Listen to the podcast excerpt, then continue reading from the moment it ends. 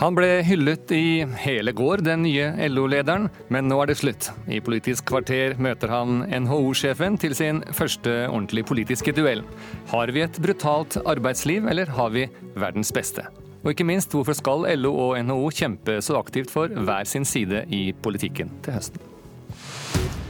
Sier god morgen til alle dere som hører på Politisk kvarter, og god morgen til nyvalgt LO-leder Hans Christian Gabrielsen. Og NHO-sjef Kristin Skogen Lund. Hei.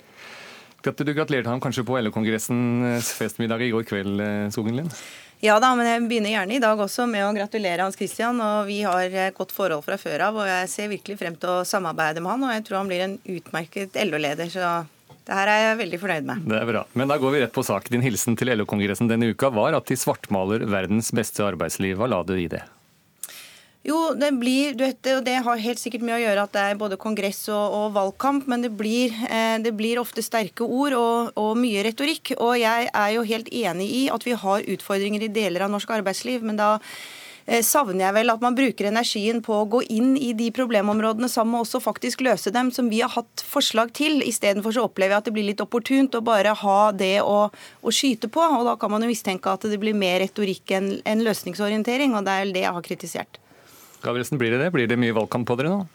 Nei, altså det er jo eh, sånn, Jeg syns jo timingen for det første var, eh, var, litt spesiell. Eh, man kunne jo først kanskje ha venta på å høre på Gerd og, og min innledning, hvor vi nettopp beskriver hvor bra deler av norsk arbeidsliv er, og hva som er årsakene til at vi har et så godt arbeidsliv i store deler av samfunnet. Eh, men det er jo vår eh, uttrykket, fordømte plikt å påpeke det som ikke er bra, som NRK i går også riktig påpekte og hadde en, en god reportasje om i Brennpunkt. Eh, at det, er, at det, er, deler av arbeidslivet hvor det er, rett og slett er kriminalitet innenfor vaskehallbransjen, som dere viste, men også her i Oslo, hvor det er elleve kriminelle nettverk som driver også bl.a. innenfor eh, bygg- og anleggsbransjen. Så det skulle jo være brått mangle at vi ikke løfter fram det, for det tror jeg vi har en felles interesse av. At det er de seriøse arbeidsgiverne Eh, og de seriøse bransjene som skal, eh, som skal, være de som vi heier fram og de vi jobber for.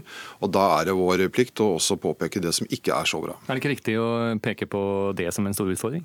Jo, og som sagt, eh, vi har faktisk tatt initiativ lenge før jul til å prøve oss hvordan vi bedre kan regulere dette med innleie og bemanning for å få bukt med det. For våre, våre bedrifter blir jo risikerer å bli utkonkurrert av disse useriøse aktørene. Vi er ikke interessert i å ha det sånn i det hele tatt. Mitt poeng er ikke at ikke vi har noen problemområder. Mitt poeng er at man burde bruke energien på å gå inn og løse dem, istedenfor å bare snakke store bokstaver. Det er nettopp den midlertidige debatten som dere var for eh, regjeringens endringer, som da LO er imot. og Det er den diskusjonen vi er inne i. og Da er det vel naturlig at eh, det er angrepspunktet fra LO? Nei, det er en litt annen debatt. for det, det vi snakker om nå handler mye om innleie og bemanningsproblematikk, spesielt i byggebbransjen det er noe annet enn den generelle tilgangen til midlertidige ansettelser. Det er en helt annen sak. Eh, men det den midlertidighetssaken handler om, er jo at det skremselsbildet som ble malt opp, har ikke slått til. Vi har ikke fått en stor økning i midlertidigheten. Og det viser vel at også den gangen var det mye retorikk som kanskje ikke hadde helt eh, hold når det kom til virkeligheten. Altså det, det, er jo en sannhet med modifikasjoner. For det første så økte antall midlertidig ansatte eh, hvert kvartal gjennom fire kvartal.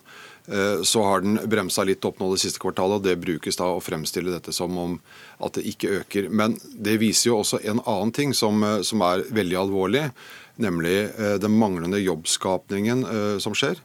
Det faktum at det ikke blir flere midlertidig, som jo nettopp, altså Hvor hovedargumentasjon fra både NHO og høyrepartiene var jo at det skulle skape så mange muligheter for så mange til å komme inn og få en fot innenfor, som det ble kalt, eh, og, og gi flere muligheten og adgang inn i arbeidsmarkedet. Det har heller ikke slått til.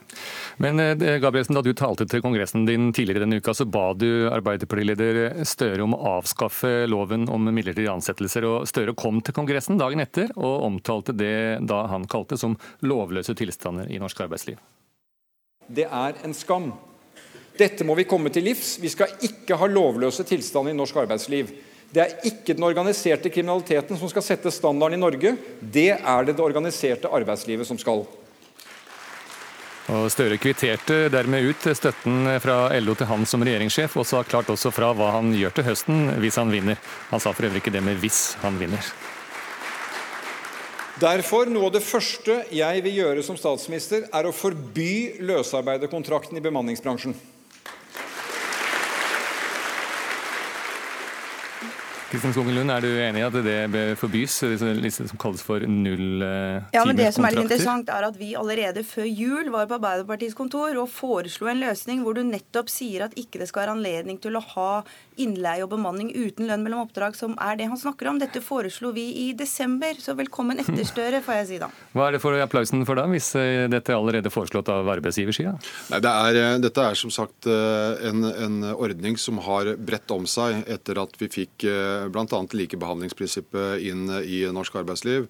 Og hvor deler av bransjen er som alltid utrolig kreative for å forsøke å komme seg rundt lover og regler. Eh, og I Tyskland så har man eh, gått eh, det skrittet som har vært debattert og diskutert på, på vår kongress. Der har man lagt ned forbud mot bemanningsselskaper i visse bransjer. Bygg- og anleggsbransjen i Tyskland. Så det viser at dette er, det er et problem som, som, ikke bare er særnorsk, men som også andre land har. Og det er nettopp den diskusjonen og det vi ser i mange deler av bransjene rundt om i landet, som vi ønsker å komme til livs. Eh, og Da er det en mulig vei å gå.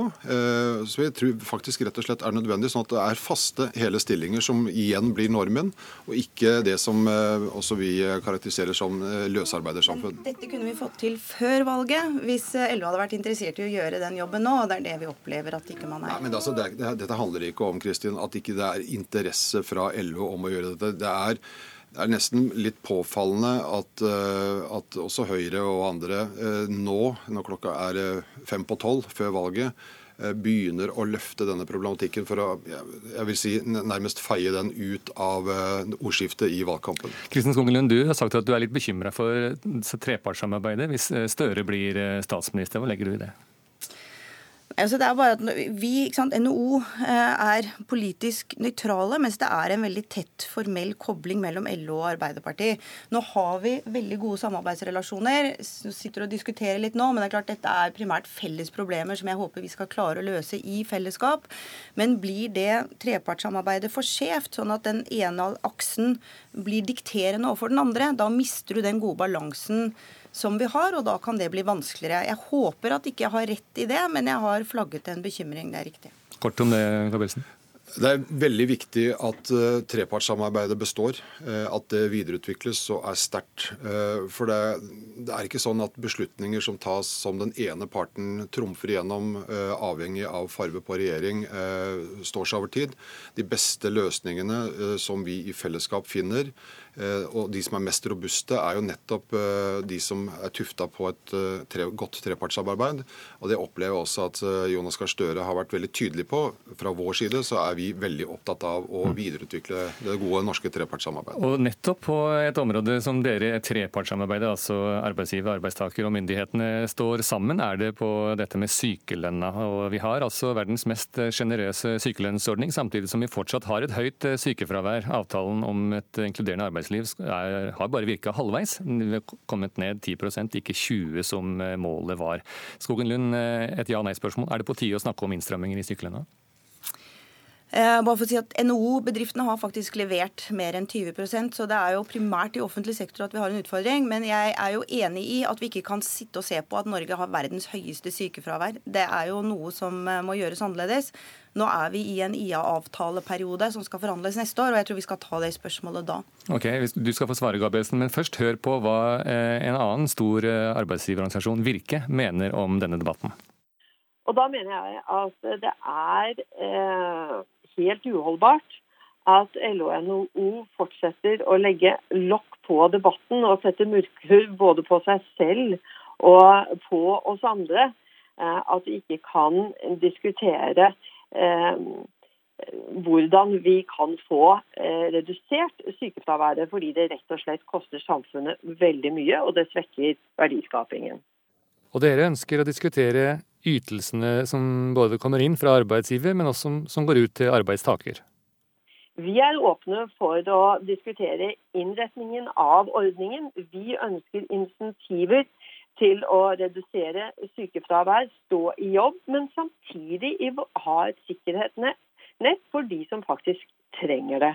Så Vi er åpne for en diskusjon, men det viktigste er at vi får en debatt i trepartssamarbeidet, slik at både IA-avtalen og trepartssamarbeidet eh, får en oppslutning i fremtiden. Bedriftene våre skjønner ikke at ikke vi kan diskutere dette. Gabrielsen, da hører vi Skogen Lund ønsker å diskutere. Ønsker du det? Altså, Folk blir jo ikke friskere ved å gjøre det dyrere å være syk. Eh, det handler jo om hvordan vi organiserer arbeidslivet, hvordan arbeidsdagen organiseres, hvordan vi tilrettelegger arbeidsplassene, hvilke muligheter folk har til å kombinere arbeid og, andre ytelser. Så det, jeg tenker at først og fremst innenfor rammene av IA-arbeidet, det er der vi må jobbe. det å gripe til å gjøre det mer kostbart med karensdager og den type ting, det løser ingen verdens ting. Det er først og fremst det å jobbe godt innenfor IA-avtalen. Eh, partene imellom og gjøre arbeidslivet bedre, som vil redusere sykefravær. Ikke så overraskende der, men Er det litt nye signaler fra dere, Skongelund? Du ønsker å diskutere dette? Karensdager altså, også? Ja, nei, karensdager har jeg ikke noe tro på. Men at det kan være riktig å innføre en viss egenandel i forbindelse med, med sykefravær, det skal jeg ikke se bort fra. Men nå har vi en avtale, og da forholder vi oss til den. Og så tar vi dette spørsmålet neste år når det skal reforhandles. Okay. Tusen takk skal dere ha begge to, Kristin Skogen Lund og Hans Christian Gabrielsen. Vi skal høre med Magnus Takvam her. Eh, sykelønnsordningen er fortsatt uh, tabu. Uh, hvorfor er den det?